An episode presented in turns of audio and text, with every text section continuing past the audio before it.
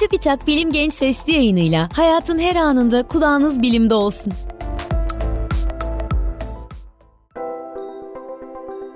Gençler merhaba, ben Levent Kurnaz. Bilim Genç Sesli yayınında daha önce uzay asansörü üretmenin teorisinden bahsetmiştik. Bugünkü bölümde ise uzay asansörü yapabilmenin maliyeti ve teknolojisi üzerinde duracağız. Uzaya gitmek istiyorsanız, şimdiye kadar uzunca bir süre astronot olmak için çalışmanız ve hazırlanmanız gerekiyordu. Bugün artık buna bir de milyarderler eklendi. Milyarderseniz, yeryüzünden epey yukarıya gidecek bir uzay aracı yapacak ya da yapılmış bir uzay aracından bilet alabilecek kadar paranız var demektir. Gene de normal vatandaşların uzaya gitmesi kolayca başarılabilecek bir şey değil.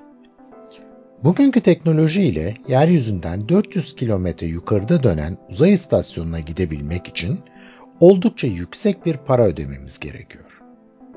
1 kilogram yükü uzay istasyonuna taşımanın maliyeti yaklaşık 200 bin lira civarında.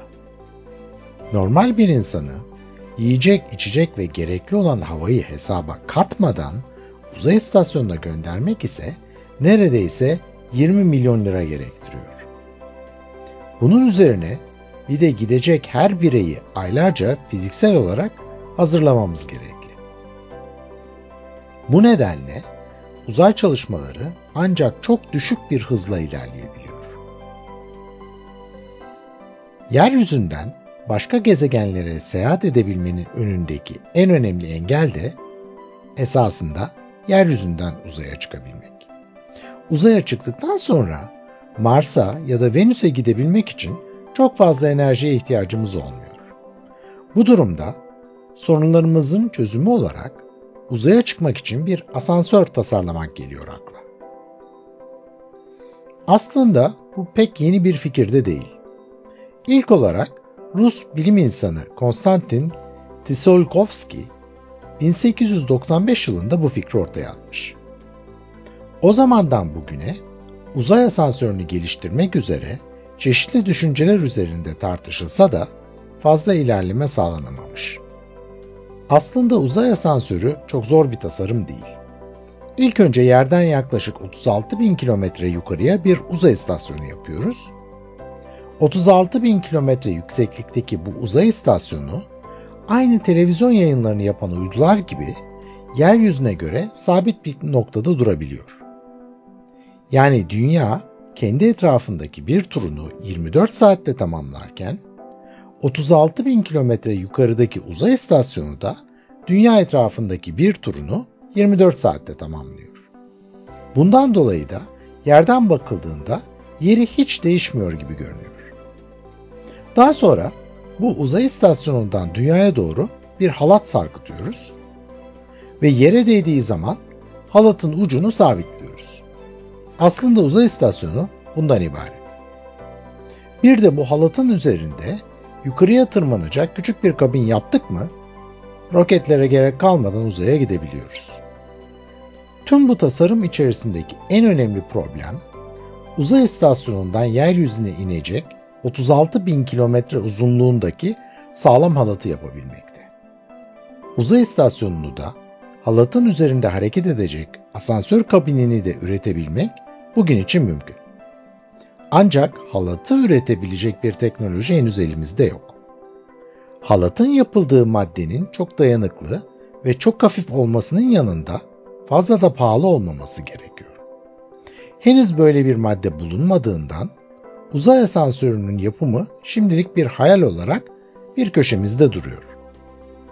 Halat için kullanılabilecek maddeler arasında karbon nanotüplerin ya da elmas nano ipliklerin adı geçiyor. Ama sanırım tüm bu maddelerden daha dayanıklı ve daha ucuza üretilebilecek bir halata ihtiyacımız olacak. Ayrıca bu asansörü aşağıdan yukarı değil, yukarıdan aşağıya doğru üretmemiz gerekiyor. Bundan dolayı da bu halatın tamamını önce 36 bin kilometre yukarıdaki uzay istasyonuna taşımamız lazım.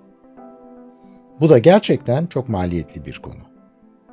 Yalnız tüm bu maliyetleri dikkate alacak olursak, asansör yapmanın bedelinin şu anda yeryüzünden 400 kilometre yukarıda dönmekte olan uluslararası uzay istasyonunu yapma maliyetinin yaklaşık iki katı civarında olacağı düşünülüyor.